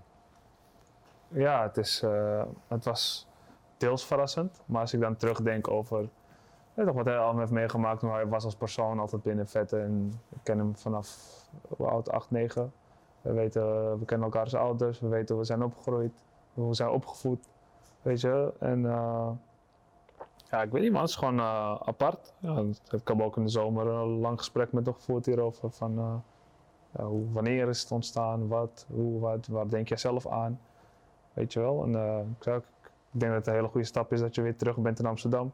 Gewoon eh, in de buurt bent van mensen die je echt goed kennen.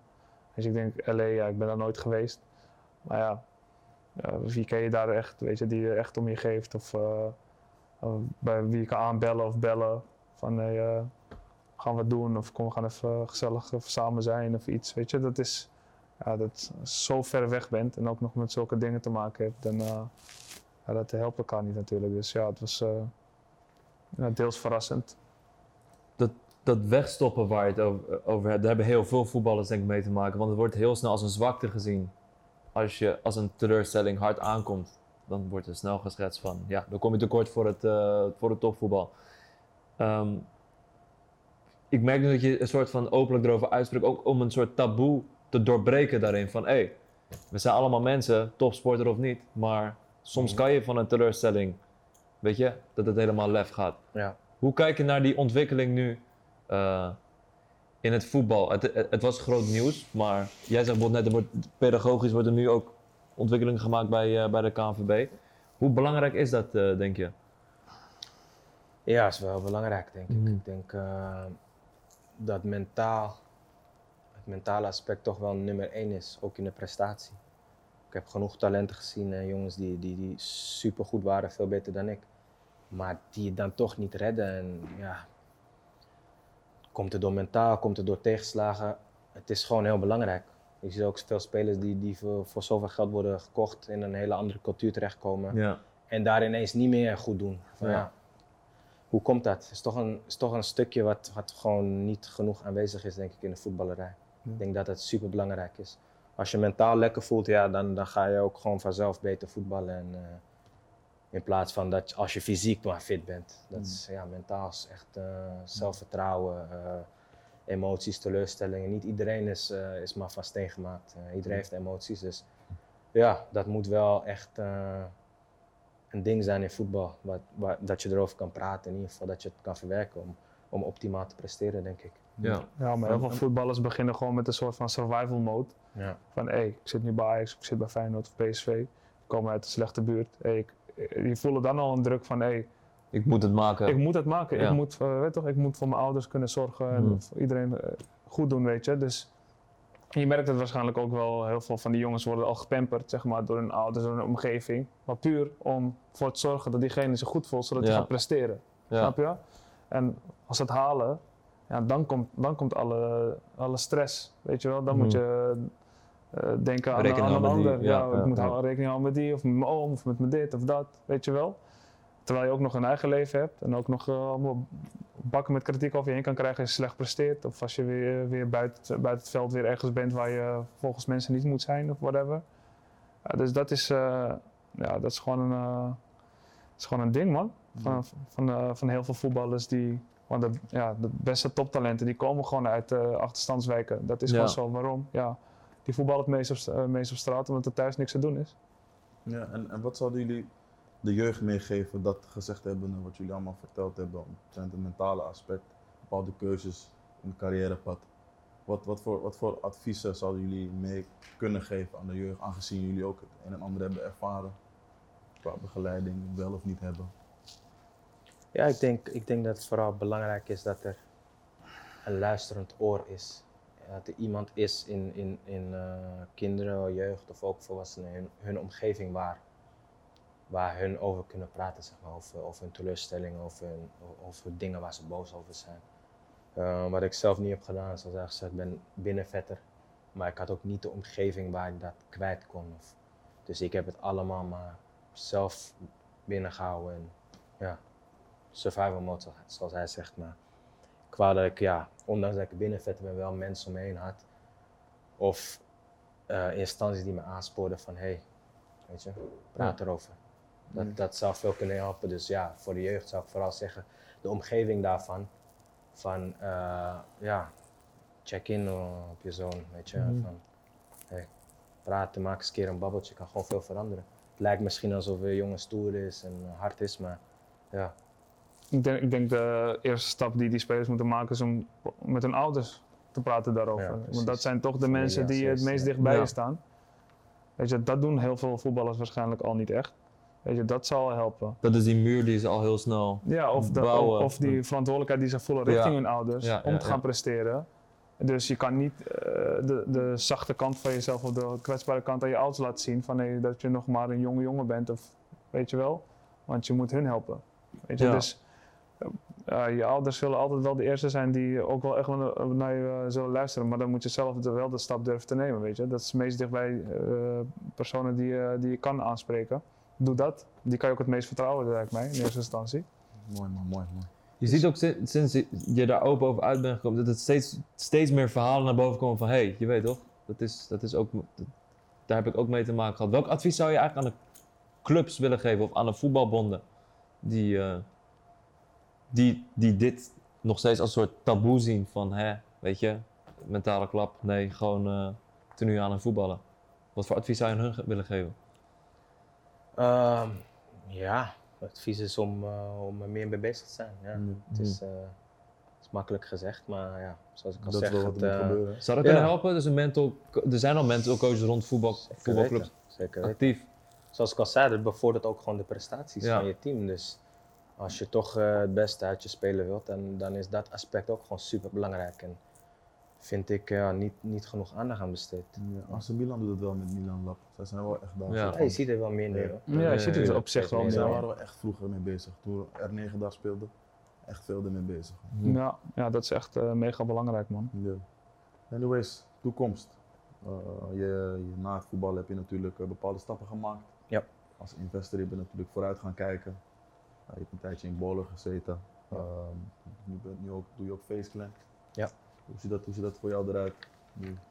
Ehm, ja, een paar mooie investeringen kunnen doen afgelopen jaar, waar ik heel trots op ben. Mhm. Ehm, ja, dat is wel echt eh, passief eigenlijk.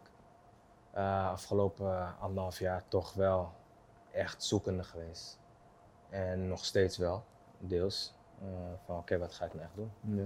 Op, op, op een dagelijkse basis, weet je. En, eh, ja, heel erg verschillende dingen in geïnteresseerd. Ik, eh, Je doet ook bijvoorbeeld One Legacy Sports. ja, Ja. ja. maar dat is allemaal meer passief. Dat, is, eh, ja, dat zijn investeringen die lopen en daar ben je niet dagelijks mee Mee bezig. bezig, Nee. ja. Dus ik was wel echt aan het zoeken wat ik, wat ik dagelijks ga doen. Mm. En ja, ik vind wel e-commerce heel, heel erg interessant op het moment. Eh, het, het digitale marketing aspect daarvan. Dus ik, eh, ik ga ook een brand starten nu, hoe ironisch het ook is. Ik ben daar vaak eh, of lang van weggebleven. Ik wil niet de voetballer zijn die ook maar weer eh, als, als alle duizenden een brand gaat starten, maar ik ga het toch doen. Vooral ook omdat ik het digitale marketing stukje wil gaan doen en denk dat door slimmigheden en tweaks en de juiste marketingstrategieën het, ja, toch wel goed voor elkaar kunnen hebben. En omdat ik het gewoon leuk vind, Ja. natuurlijk. Ik, ik vind het gewoon leuk, dus ik denk, weet je wat, ik ga helemaal niet nadenken of ik de zoveelste, wat dan ook, weet je. Ik ga gewoon doen op dit moment wat goed voor mezelf is. Mhm. En als ik dat leuk vind en mij bezighoudt, dan ga ik dat doen. Dus dat ga ik nu doen en ik ben ook wel ook nog steeds wel aan het, eh, aan het daytraden met stocks. Eh, Ja. Dat vind ik al drie, vier jaar vind ik dat leuk. Mhm. Dan ben ik mij elke dag eh, aan in het verdiepen. En, eh, op alle traders chat zit ik en alle YouTube filmpjes kijk ik. Dus Welke platformen check je eh, als het gaat om daytrading? ik Waar zit je- in een, in een Discord met zes verschillende te veel. Uh, Mhm.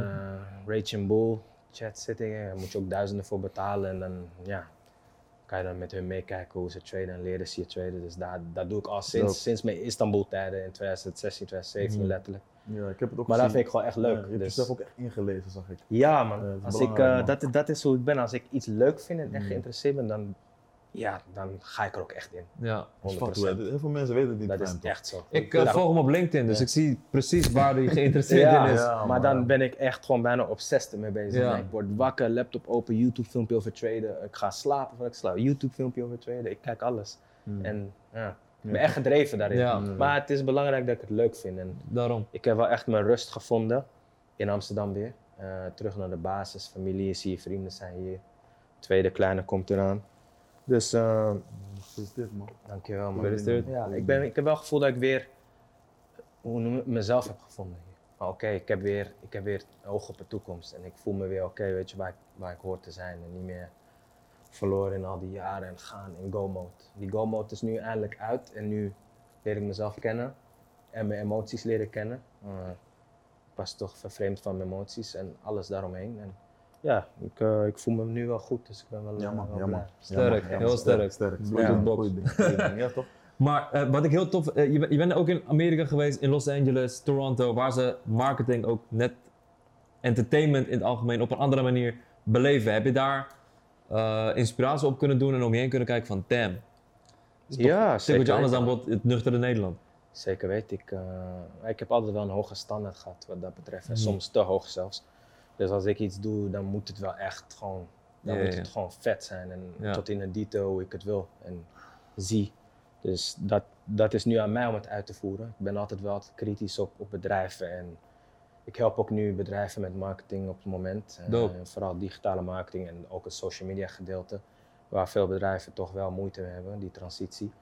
Maar ik ben wel Pietje precies. En nu is voor mij eens een keer leuk dat ik het eens een keer zelf kan gaan doen. Ja. En ja, geen commentaar op een ander te hoeven te hebben. Van Hmm. doe het nu zelf, het is jouw brand.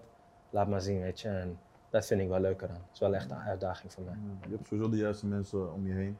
Ja, ja. kan altijd aankloppen Ja. bij mensen. Je Ja, weet zelf. man. ja, Als je hulp ja. nodig hebt met bepaalde dingen. Ja, man, dankjewel. Dus sowieso. man. Dat zou ik ook zeker doen. Ja, Ik, eh, ik ben zeker de persoon die als iets niet snapt of iets niet kan. Ja. Ja. Leergierigheid is belangrijk. Belangrijk. Wat is een laatste digital marketing ding of op entertainment vlak een move geweest die, eh, die je aan het denken heeft gezet? Eh, Gewoon van een bedrijf of een merk of... aan mijn denken heb gezet. Ik vond laatst, ja, is wel weer random iets. Ik vond die actie van Okium wel vet. Dat ze sneakers eh raffelen en dan moest Ja. je iets zoeken in de stad. Mhm. En als Ja. je op de map van Amsterdam keek, was het een Jordan teken zo. Daar vond ik wel heel erg origineel, dus dat Ja. vind ik wel echt creatief. Eh, ik heb niet het idee dat mark- marketing hoeft niet altijd duur te zijn. Het is Nee. vooral het creatieve wat het vet maakt en spontaan. En, eh, ja, zo leer ik gewoon heel veel, heel veel brands en eh, voorbeelden ja, Ja. die ik eh, voorbij zie komen. Ja, welke, welke merken vinden jullie op dit moment echt gaande? Denk je van, ja, man, ze, maken, ze doen goede dingen. Dus als je dan kijkt naar de grote drie. Sportmerken bedoel je dan? Ja, gewoon in general. Gewoon lifestyle merken, maar ook sport. Ja. Nike, Nike is altijd Ja, één. far nummer één, Ja, boven iedereen. bij jou ook. Eh, DDP doet het wel aardig uh, antwoord. wat, wat is dat? Wat is dat?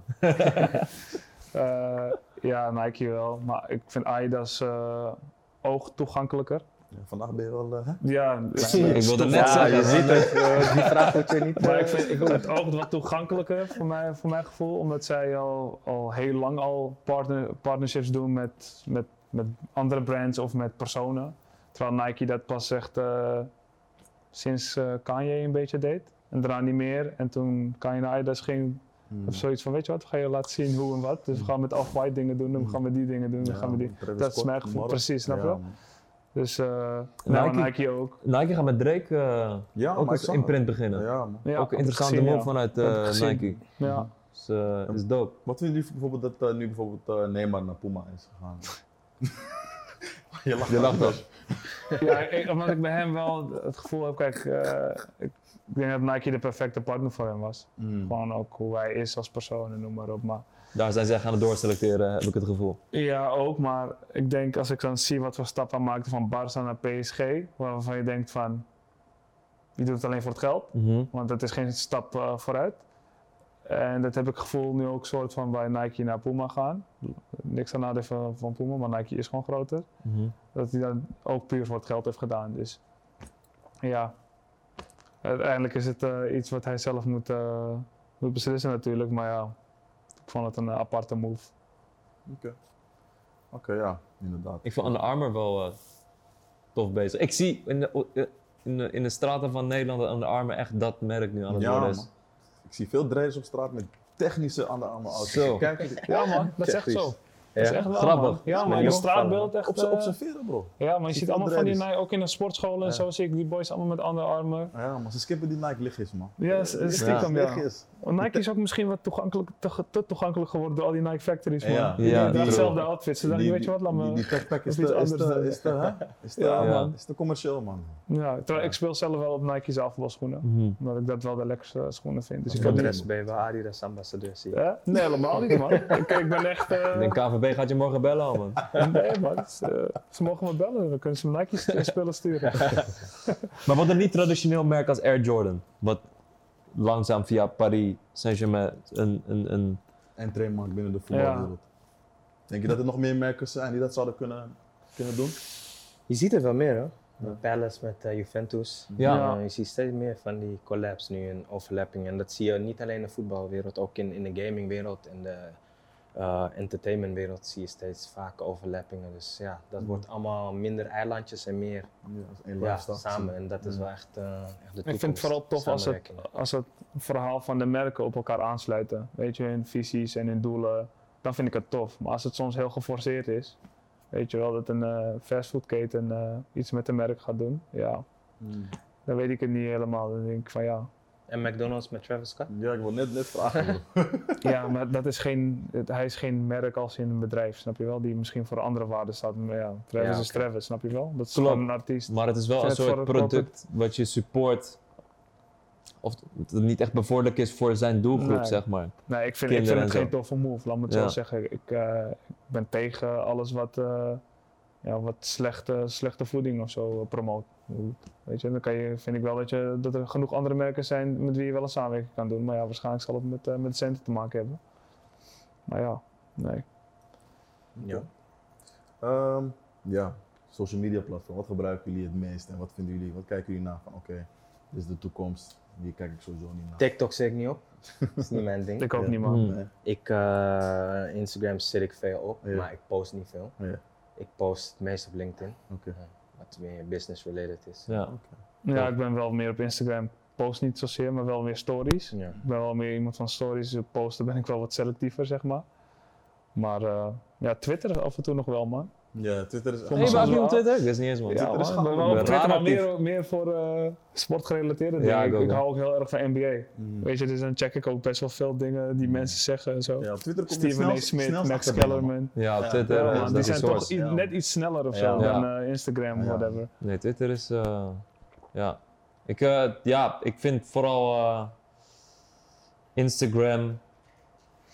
Ik weet niet. Ik, Broer, eh, ze, ze, ze fokken die app op, man. Heel dag Ja. update, dit, dat. Maakt je helemaal para. snap Ik je? lijkt steeds meer op Facebook Ja, gewoon. man, bro. Maar dus, bijvoorbeeld nu. Nu elke, elke, elke social media platform heeft nu een story modus. Ja. Facebook, Twitter. Ja man. Ja, Insta. maar ja, dat is ook, was ook met Snap, weet je. Op een gegeven moment, eh, hoe dus je kan het, je de kan het magie vrij, vrij overnemen gewoon. Ja. De magie verdwijnt van die app, zeg maar. Ja. Ja, bij TikTok was wel voor mij de eerste app waar ik me echt oud voelde. Dat ik echt Ja, dacht van, weet je ik wel, begrijp man. het niet, dit pakt me niet. Ik Ik zie er mijn, mijn vrouw is wel op TikTok, maar ze post niks, maar ze vindt die video's gewoon... Ja. Soms hoor ik haar gewoon lachen, Ja, gewoon random, maar- ze gaat ja. helemaal stuk. Ik zie mezelf niet daar staan en Ja. met jullie zo, ja, we gaan even... no- no- Nee, dat niet, maar ze kijken gewoon van die snelle, weet je, die Vine-achtige filmpjes snelle, van vroeger. catchy Die video's. snelle, catchy comedy video's. Ja, Oh, dat- wel TikTok wel goed voor business. Hè? Zwaar, Ja, zwaar. 100%.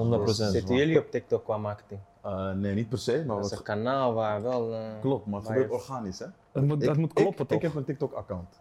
Dus ik kijk gewoon op die hashtag Daily Paper. Ja, En ik zie raar veel mensen organisch posten. Mm. Kijk, dat is goed voor ons. Ja. ja. Snap je? Het, is- het zou heel raar zijn als DP een TikTok-account zou maken. Ik denk voor, ja, je, maar voor je kids-collectie.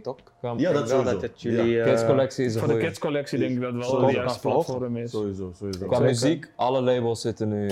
Daar is TikTok Ja, eh, bij elke meeting. ja, Dus ja, kan welke het weten. gaan we nu weer verzinnen? Ja, Ja, snap je, maar dat is bijvoorbeeld verschrikkelijk nu, man. Bijvoorbeeld nu zie je politieke partijen met een TikTok-account. denk je van vaker. Ja, Ik dat zag gisteren op nieuws GroenLinks. GroenLinks met een TikTok-account, PVDA, VVD. is dying. En dan zie je die, die, die, die- ja, die Oh, oh. leden gewoon rare ko- doen. maar dat komt dat je het dying vindt, omdat een politieke partij, dat matcht niet met TikTok of zo, snap je? Het is geforceerd Het is geforceerd, snap je? Ja. Ja. Het is niet Slechte content. Nee, ja. daarom. Dus het moet gewoon kloppen, man. Ik vind Twitch interessant. Ja, jij Oh, bent into gaming. daar ja. zit ik elke dag Ja. op. Ja. Dat is, eh, maar ook buiten gaming. Timbaland heeft Ja. hele toffe Twitch sessies of T-Pain en zo. Het is Klopt. echt, eh, en ze betalen goed. Dus ja, dat vind die ik wel een, T-Pain eh, was vet, ja. Ja, Ja, dus dat, is, dat vind ik, eh, dat is een interessant platform eh, denk ik voor de komende, komende jaren. Want Microsoft probeerde het. Ja. Ze hadden Ninja nog, grootste game hadden ze aangetrokken, maar Ja. toen is nu weer terug, terug bij Twitch. Maar je merkt nu ook in Nederland dat het steeds, eh, ja, Twitch is ook een app de- denk ik na Insta en Twitter. En Clubhouse dan waar ik eh, regelmatig gewoon een livestream aanzet man, dat is dope. Ja. Dus moeten we dit op Twitch gaan gooien man. Maar Twitch, eh, vooral voor game of zo is dat toch? Dat mensen echt gaan kijken en zo, Voornamelijk ja, toch? voornamelijk. Maar zoveel man, podcasts, eh, DJ-sets, Ja, man. mensen die reageren op dingen. Dus het, is, eh, het, beta- het betaalt goed in vergelijking tot YouTube. Dus dat Ja. is, eh, dat Ah, is Greg voor- was altijd al met gamen, En er is, altijd. en er is veel interactie ook. Altijd pakjes met pro. Weg, man. Alsjeblieft, man. Hij heeft emotionele helemaal mee. Ik gaf je ook genoeg pakjes. Ik weet van, ja, jij speelt sowieso geen pro meer. Speel jij nog pro? Nee. Nee, Nee? ook niet. Ja, jij bent nog ook steeds- geen jij bent- FIFA. Jij bent volgens mij de enige overgebleven persoon. Jij Pro, speelt nog steeds pro? PES, Pro Evolution Soccer. Met eh, London Red en zo. Ik kan dat we, hadden bij de KNVB nog een eh PES-kampioenschap.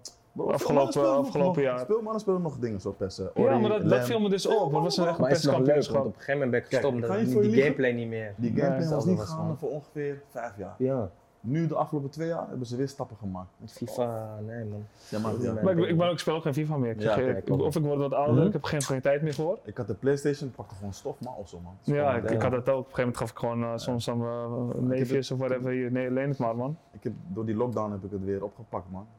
Een beetje plezier weer krijgen, toch een beetje hoofd leeg. Maar ja, door die lockdown heb ik juist, kijk, gewoon steeds meer podcasts, man. Ja. Juist. Gewoon veel Dope. meer tijd voor. Ja. Dope. Maar ook sowieso onderweg naar het werk deed ik dat altijd, Ik man. ben ook weer aan het gamen geslagen man, door de lockdown. Ik ben benieuwd naar Cyberpunk man. Die game Ja. wordt raar gehyped. Die gaat wel vet worden. Nee, man. Ik had er raar Ik gehyped. weet niet Toch, wat man? Tien keer uitgesteld. hè? Dat is waar, jongen. Pak een onderrondje hierop, pak. Nee, Nee, ik weet eh, niks daarvan. Ja, oh, ja, dat is met hem. Ja, die Anus hè. Je, is met hem. Hij speelt soms een game heel lang.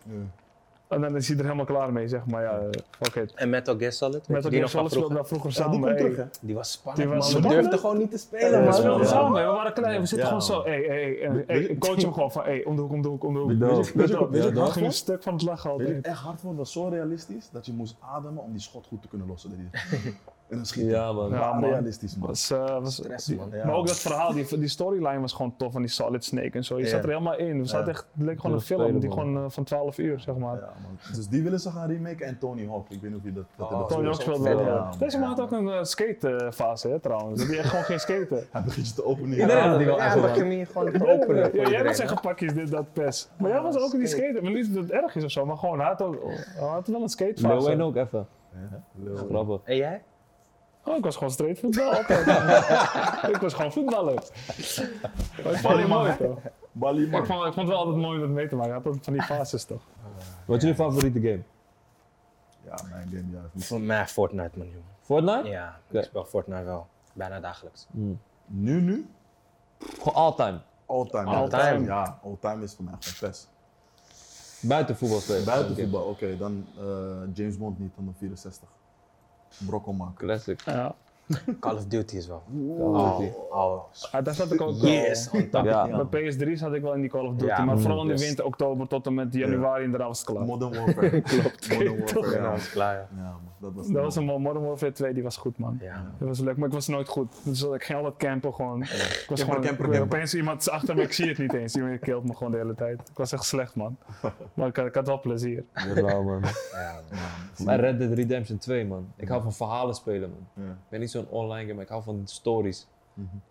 Red Dead Redemption 2 is een movie, man. Oké, oké. Het is, het is een- Ja, ja, man, mooie dat tijden mijn man. favoriet is. Ja, gamen steeds minder man.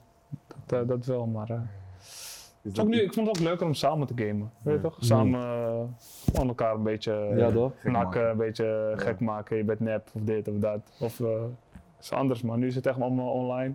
Ja, man. Ja, eenman spelen is anders. Ja, dus die engagement FIFA, is toch FIFA wil anders. ik wel met mensen spelen. Of Ja, die toch? career mode.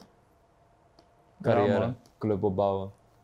Ja, Ja, ik, ik heb een paar mensen die waren ook goed met cheats, man, met FIFA. je weet wie ik bedoel, toch? Zo Nani. Nani. Nani, maar wel Bro, hij een was een. FIFA, je kon gewoon van middenlijn scoren. Hij scoorde gewoon, gewoon die Sindsdien- Juninho-trap had hij gewoon op FIFA. ik Die bal ging zo opeens uit zijn erin. Ja, broers. Ik Gewoon rare, rare glitches. No man, skip die shit man. FIFA no man. Dat is echt gelachen, man, die tijd. Ik denk eh, dat we kunnen afronden, man. Want Ja, eh, we hebben het over alles gehad. Mentale aspect, eh, ja, leven na voetbal, eh, gaming, gewoon lifestyle. ik hoop dat je het tof vond. Ja toch? ja maar zeker. Ja, toch? Zeker weten. Ja. Ik hoop dat jij het tof vond. Ja, man, leuk, man. Echt eh, super. Ja. Mooi dat jullie ook open waren. Kom vast wel vaker terug. Ja, waarschijnlijk wel. Gewoon mooi dat jullie sowieso open waren en gewoon vrij, vrij jullie verhaal hebben kunnen vertellen man. Ja, toch. Ik waardeer dat sowieso man. We kennen elkaar natuurlijk wat langer, maar het is altijd mooi om extra dingen en extra diepgang te horen van jullie man. Zeker, man. Ja, man. jullie ook bedankt voor, voor de uitnodiging natuurlijk. Graag gedaan. Graag gedaan. En eh, ja, voor de mensen thuis, eh houd het in de gaten. Kijk het net.